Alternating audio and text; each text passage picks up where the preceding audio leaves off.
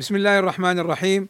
أيها الإخوة والأخوات السلام عليكم ورحمة الله وبركاته. وبعد فالظلم جماع السيئات والظلم يقع على الدماء والأعراض والأموال. قال صلى الله عليه وسلم إن دماءكم وأموالكم وأعراضكم عليكم حرام فقتل الأبرياء ظلم وفساد في الأرض. قال صلى الله عليه وسلم لن يزال المؤمن في فسحة من دينه ما لم يصب دما حراما. وقال صلى الله عليه وسلم اجتنبوا السبع الموبقات قالوا يا رسول الله وما هن؟ قال الشرك بالله والسحر وقتل النفس التي حرم الله إلا بالحق وأكل الربا وأكل مال اليتيم والتولي يوم الزحف وقذف المحصنات المؤمنات الغافلات. بل قتل المعاهد ظلم محرم وهو من كبائر الذنوب.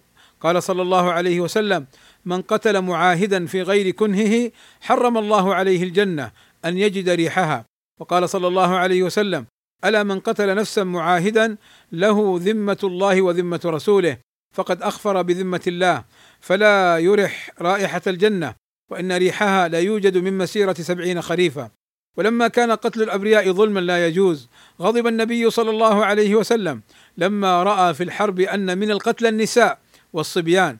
فعن ابن عمر رضي الله عنهما قال وجدت امرأة مقتولة في بعض مغازي رسول الله صلى الله عليه وسلم فنهى رسول الله صلى الله عليه وسلم عن قتل النساء والصبيان والسلام عليكم ورحمة الله وبركاته.